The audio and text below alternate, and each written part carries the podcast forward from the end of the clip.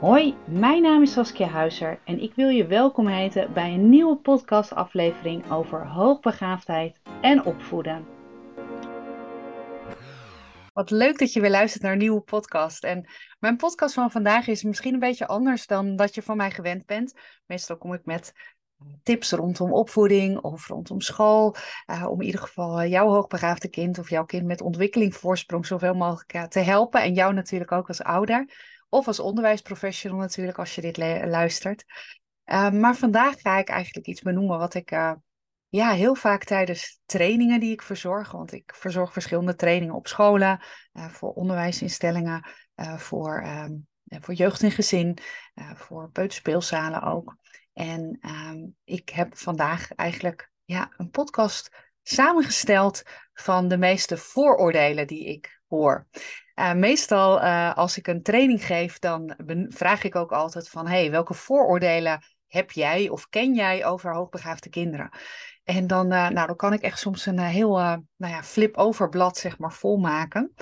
En ik dacht, ik ga ze vandaag eens benoemen. De tien meest voorkomende, um, die ik althans hoor. Er zullen er vast en zeker meer zijn. Misschien denk jij als ouder, als je dit lijstje direct geluisterd hebt, van... Nou, ik uh, weet er zeker nog wel vijf of misschien nog wel tien. Of waar je zelf tegenaan loopt in je eigen situatie. Maar ik heb voor deze tien gekozen en ik ga ze vandaag benoemen voor jou. Um, ik heb er over het algemeen geen oordeel over. Um, ik zal ergens her en der natuurlijk wel mijn mening laten doorschemeren. Maar ik, uh, wat ik eigenlijk als eerste wil zeggen, dat ik ieder kind, ongeacht of een kind hoogbegaafd is, gemiddeld intelligent of misschien wat meer moeite heeft met leren, het maakt voor mij niet uit. Maar ieder kind of eigenlijk ieder mens is uniek en ieder mens heeft ook eigen talenten en kwaliteiten. Welke intelligentie er ook gekoppeld is aan jou, uh, het maakt niet uit. Ik weet zeker dat um, ja, dat je voor jezelf ook wel uiteindelijk vindt dat je een bepaald talent hebt. En dat vind ik dat het voorop moet staan. En ook dat je als mens jezelf mag zijn. Hoe je ook bent, hoe je ook denkt, hoe je eruit ziet, hoe je jezelf kleedt, het maakt niet uit. Je bent een mooi mens. En ja, de een kan daar wel meer van genieten van de ander. Uh, misschien vindt iemand je bijzonder of raar. Maakt niet uit. Weet dat jij uniek bent. En mocht jouw kind hier ook moeite mee hebben en zichzelf ook soms anders voelen of ja, niet helemaal happy, benoem het ook. Ieder mens is anders, ieder mens is uniek, ieder mens mag zichzelf zijn. Maar je bent mooi, mooi zoals je bent. En daar wil ik bewust mee beginnen, omdat um, ik heb eerder heb ik een reel ook opgenomen over vooroordelen. Die is ontzettend goed is die uh, bekeken en ook gedeeld. Maar daar kreeg ik best wel veel reacties op. Dat uh, het soms niet aardig was dat ik deze vooroordelen, zeg maar, benoemde ook. En dat is ook nu ook zeker niet mijn bedoeling. Mijn bedoeling is om te laten zien wat ik dus uit het veld haal van ouders, nou, van wie dan ook, maakt eigenlijk niet uit. Uh, waarvan ik deze vooroordelen in ieder geval terugkrijg. En dat vind ik veel belangrijker om dat met elkaar te bespreken ook. Van hé, hey, hoe wordt er dan over gedacht bijvoorbeeld? En ook dan scheer ik niet alle mensen over één kam, want lang niet iedereen denkt zo. Maar nogmaals, dit zijn de meest voorkomende die ik het meeste terugkrijg tijdens trainingen of dus tijdens gesprekken met andere mensen. Nou, de eerste die ik uh, benoem is eigenlijk ja, iets wat ik al vaker ook in mijn podcast heb benoemd. En dat is dat gedacht wordt dat de hoogbegaafde kinderen ja, eigenlijk altijd goed kunnen leren. En dat ze ja, goede studenten of goede leerlingen zijn en geen hulp nodig hebben. En dit vooroordeel, ik denk als je langer mijn podcast luistert, dat je dat ook eigenlijk het antwoord weet. Dit is echt onjuist. Want hoogbegaafde kinderen, ja, zijn net als alle andere kinderen individuen. En ze hebben ook verschillende sterkte en zwakte, zeg maar ook. En ja, het ene kind kan nou eenmaal beter presteren in het andere vak. Maar zij hebben ook juist meer hulp nodig soms. En um, wat soms kan spelen, en dat zie je zeker bij kinderen ook op het voortgezet onderwijs of uh, op nou, nog hoger, op het uh, wetenschappelijk onderwijs of HBO. Dan zie je dat kinderen juist die hoogbegaafd zijn of een ontwikkelingsvoorsprong hebben, dat ze soms ook kunnen worstelen met emotionele en sociale uitdagingen.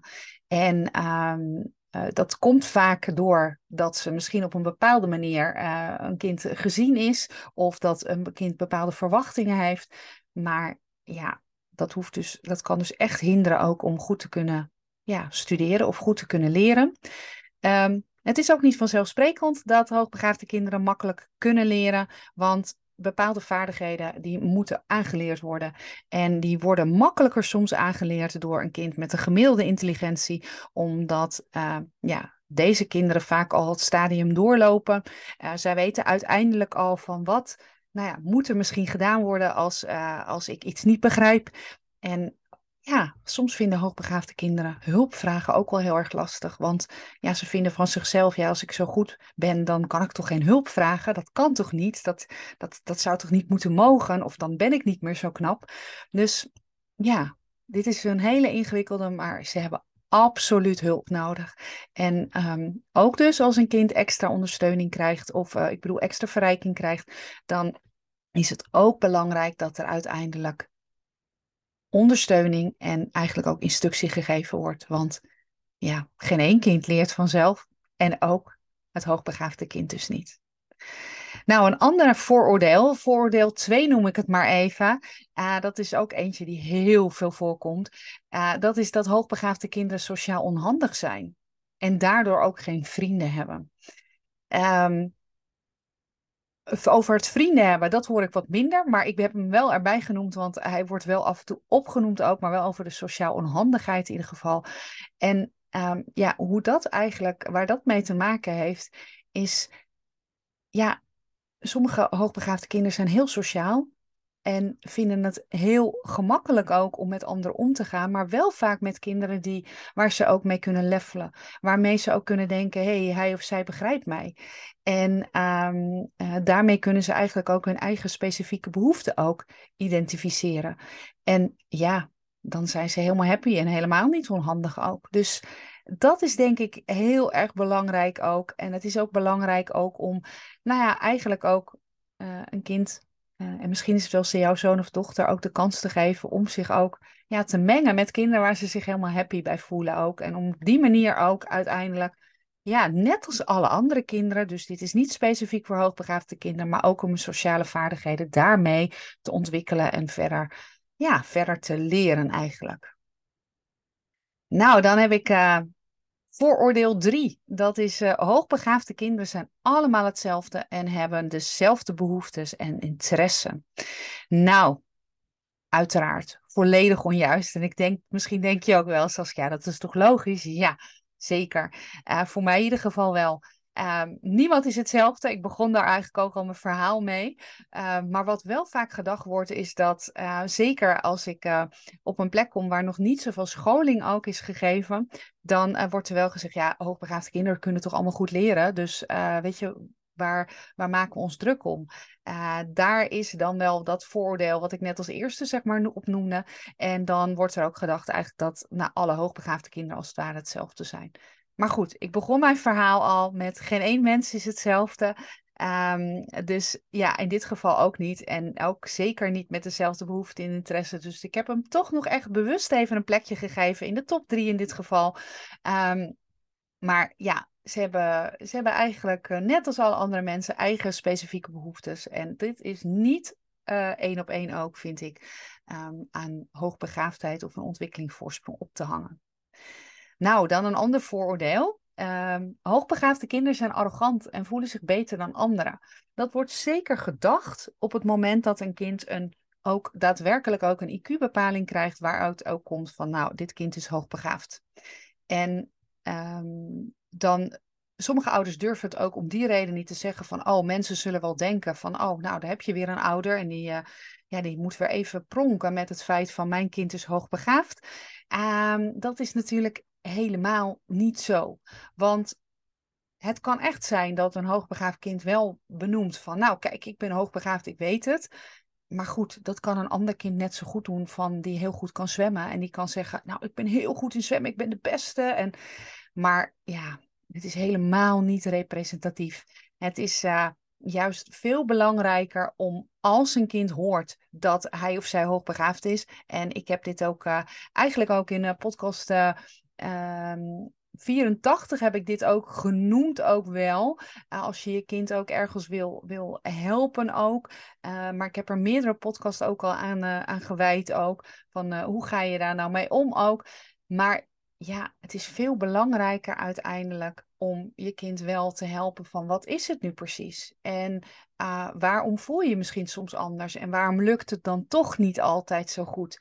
Want dat is wel iets op het moment dat een kind hoort, je bent hoogbegaafd en daar wordt voor de, voor de rest geen context aan gegeven, dan denkt een kind wel, oh, nou, dan gaat alles perfect. En inderdaad, dan kan ik zo naar die universiteit toe. En dan kan ik alles doen wat ik maar wil. En al, ik heb alles, ja, al mijn wensen komen uit. En dat is natuurlijk niet zo.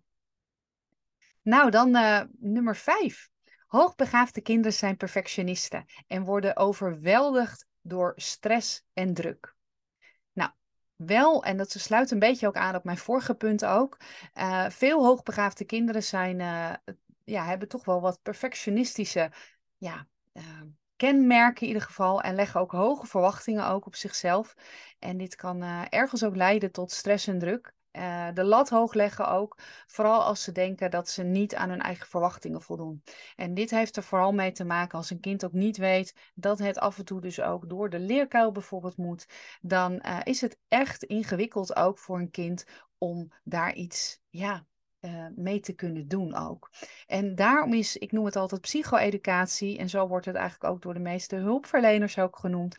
Als een kind weet van, nou, hoe werkt mijn hoofd? Waarom gaan dingen soms wel goed en waarom gaan dingen niet goed? Uh, dan is vaak ook het perfectionisme kan dan soms wat meer een plekje krijgen.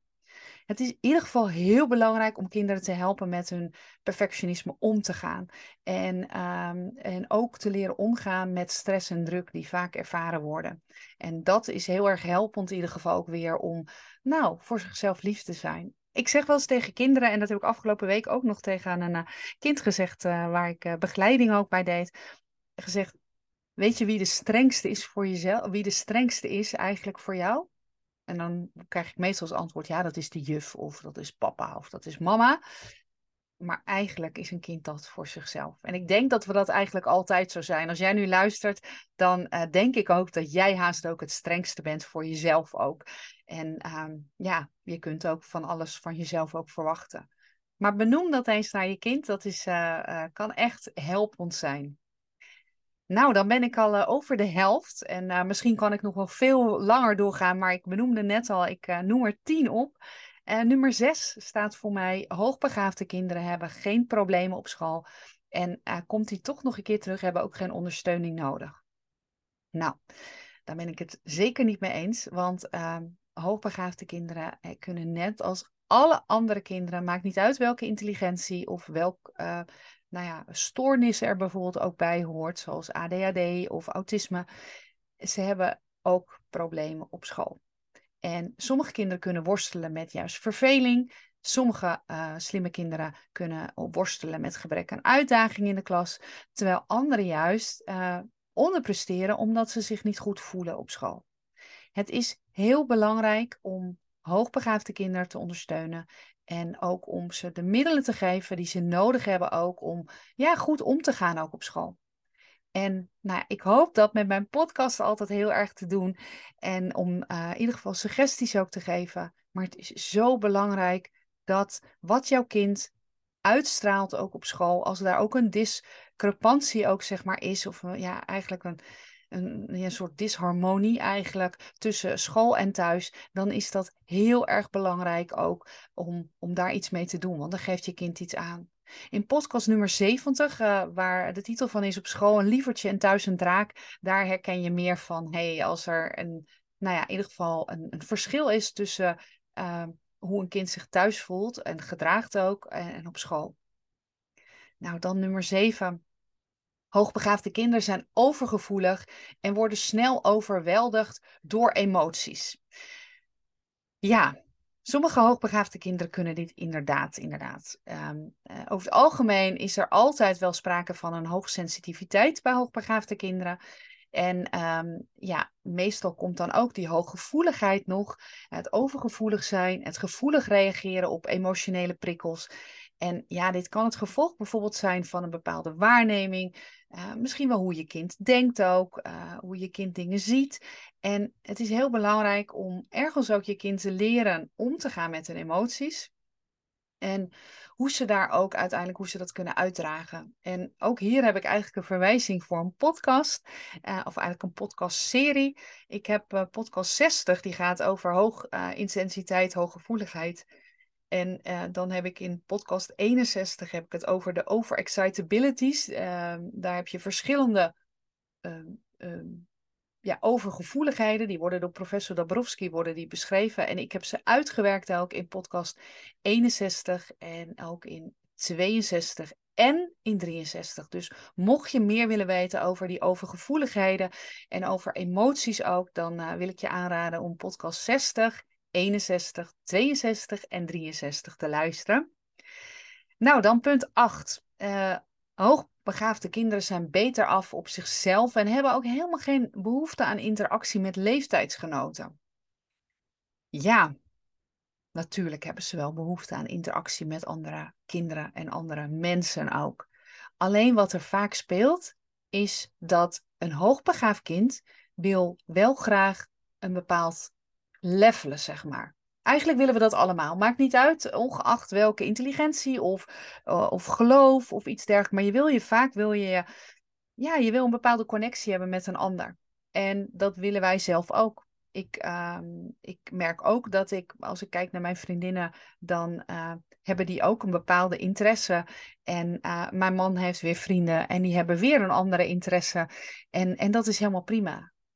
Je kijkt bij welke mensen of welke kinderen je happy voelt. En dat is ook natuurlijk bij kinderen zo.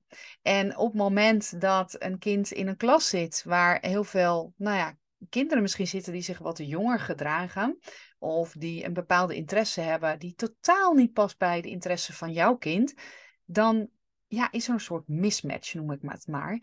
En dan zie je eigenlijk dat deze kinderen, ja, die, die um, zijn op zoek dan naar iemand die wel zo denkt zoals, nou ja, de snelle denker zoals jouw hoogbegaafde zoon of dochter misschien wel heeft. En um, op het moment dat jouw kind iemand heeft gevonden waar die zich helemaal thuis voelt, dan um, heeft het zeker behoefte aan interactie ook. Alleen soms kan je kind het gewoon niet vinden. Niet op een clubje, niet op school, misschien niet in jullie gezin of binnen de familie of nou, welke uh, omgeving dan ook. Maar wij zijn uh, mensen, wij zijn ergens sociale wezens ook. En iedereen heeft eigenlijk behoefte aan die sociale interactie. En ja, je kunt je kind daarbij helpen. Je kunt ook, uh, als je ziet dat je kind heel erg eenzaam is, dan zou je je kind kunnen helpen om, nou ja, misschien wel uh, te kijken van hoe kan ik toch ergens aansluiting bij vinden bij andere kinderen die dezelfde interesses misschien wel hebben. En dat geeft over het algemeen veel uh, ja, lucht ook wel. Het is niet gemakkelijk om dat altijd te vinden, maar um, weet dat het wel heel erg prettig in ieder geval voor je kind kan zijn. En natuurlijk zijn er ook periodes waarin een kind, en denk ik wij ook als mens, gewoon wat minder behoefte hebben aan, nou ja, uh, misschien wel andere mensen om ons heen. Punt 9, de ene laatste die ik uh, vandaag in deze podcast in ieder geval ga bespreken. Dat is, uh, nou ja, hoogbegaafde kinderen zijn altijd getalenteerd. Op alle gebieden ook, benoem ik ook heel heel bewust. En hebben geen zwakke punten. Nou, deze komt al overeen met eerdere punten die ik heb benoemd. Maar ik heb wel in mijn trainingen krijg ik wel vaak door, ja, hoogbegaafde kinderen hebben hele bijzondere talenten. En ik gaf net al aan, helemaal aan het begin ook van de podcast, ieder mens heeft talenten. Ongeacht intelligentie of achtergrond, het maakt niet uit. Um, hoogbegaafde kinderen hebben net als alle andere kinderen of alle andere mensen zwakke punten en gebieden waarop ze, ja, waarmee ze eigenlijk moeite hebben, waarmee ze nog moeten gaan leren. En het is juist belangrijk om kinderen te helpen om misschien wel te zien van hé, hey, waar zitten nou mijn talenten, mijn sterke punten als het ware, of mijn sterke eigenschappen, en waar zitten de punten waar ik nog wel wat ja, in kan ontwikkelen. En als je die voor jezelf uh, helder hebt, of uh, helder hebt gemaakt met de leerkracht of met jou als ouder, dan uh, kun je een kind vaak beter ondersteunen. En je kind kan dan ook meer een doel voor zichzelf stellen bij het ontwikkelen ook van vaardigheden. En om even een voorbeeld te geven, wat ik heel vaak zie, wat uh, slimme kinderen echt heel erg moeilijk vinden qua vaardigheid, dat is hulp vragen. Want ze zien dat als falen. Of ze hebben het misschien wel nooit geleerd, want tot groep 6 bijvoorbeeld is er nooit iets geweest waar een, een kind hulp hoefde te vragen aan de leerkracht. En dan in groep 7 worden opeens worden die, nou bijvoorbeeld uh, uh, delen met breuken en dan delen uh, uitgelegd. En ja, dan moet je wel een bepaalde, ja, je moet het trucje natuurlijk even kennen hoe je dat precies doet. Maar als jouw kind nog nooit hulp heeft gevraagd, zal het zichzelf snel zien van, oh, dat is falen. Ik ga toch geen hulp vragen? Dat is toch, ja, dat kan toch eigenlijk niet? Dus dan uh, kan het zijn dat jouw kind ook geen hulp gaat vragen. En dat is bijvoorbeeld wel, ja, een, een gebied misschien wat, uh, we hebben het dan niet specifiek over een talent, maar wat wel een zwakker punt kan zijn. En dan zie ik ook dat kinderen het heel spannend vinden om een vinger op te steken. En bijna zich gedragen, en dat zie ik ook wel eens, dat een kind dan bijna een soort kleuter is van hoe moet ik nou hulp vragen? Die zit te wiebelen op een stoel, of uh, weet niet met vinger opsteken, of weet niet hoe uh, hij of zij het moet formuleren. En dan zie je van, oh, daar kan echt nog weer wat hulp gegeven worden ook. Uh, nogmaals, dit geldt niet voor ieder kind. Maar ik vertel ook in mijn podcast, noem ik ook heel veel voorbeelden die ik uit de praktijk haal. Van gesprekken met ouders of met leerkrachten of uiteindelijk ook met de leerlingen zelf, de kinderen zelf. Dan punt 10. Ik heb uh, nou ja, voor een top 10 gekozen. En uh, op 10 staat voor mij uh, hoogbegaafde kinderen hebben geen speciale onderwijsbehoeften en kunnen zich aanpassen aan het reguliere onderwijssysteem. Nou, ik moet er heel even, ik ben er even stil van. Want uh, uh, misschien dat hij helemaal niet op 10 hoeft te, te staan. En had hij ook op nummer 2 gestaan. Ik heb dit ook willekeurig, heb ik dit ook ehm, ehm, in, zeg maar, in een top 10 gezet. Maar ik dacht, hier sluit ik wel mee. Want hoogbegaafde kinderen hebben wel veel speciale onderwijsbehoeften. En ze hebben ook enorm veel baat over het algemeen bij uh, eventueel aangepaste programma's en lesmethoden. Niet ieder kind overigens. Soms moet je het anders aanpakken. Nou, dat benoem ik ook vaak in podcast ook. Maar het reguliere onderwijssysteem in Nederland ja, biedt vaak niet voldoende uitdaging voor hoogbegaafde kinderen. Niet het standaard curriculum. En uh, daardoor kunnen slimme of snelle denkers kunnen zich sneller gaan vervelen of gaan onderpresteren. En daarom is het heel belangrijk om die onderwijs of zeg maar dus de sterkte en zwakte analyse bijna te maken ook van een kind, wat ik in het vorige punt ook benoemde, om uiteindelijk ja, te gaan kijken wat is een doel, waar gaat het kind aan werken en waar kunnen ze hulp uh, gebruiken ook of hebben ze hulp nodig ook om hun volledige potentieel ook te bereiken en uiteindelijk ook ja, goed te gedijen ook op school. Want dat is wat je wil. En dat hoeft niet met allerlei toeters en bellen en allerlei extra pakketten. Maar het is zo belangrijk dat een kind zich happy voelt en gehoord en gezien voelt. Het is misschien, ga ik ontzettend in herhaling treden, want ik benoem dit heel vaak. Maar het is echt zo. En als een kind zich prettig voelt op school, gaat het ook beter thuis. En als het stel dat het thuis niet goed gaat, dan gaat het over het algemeen ook minder goed op school. Dus het is belangrijk om in de gaten te houden wat speelt er precies en wat kan. Als jij nu als onderwijsprofessional luistert, wat kun jij als onderwijsprofessional doen om in ieder geval het gesprek aan te gaan met een kind, gewoon door middel van een kindgesprek, en om dan te kijken wat heeft een kind nodig.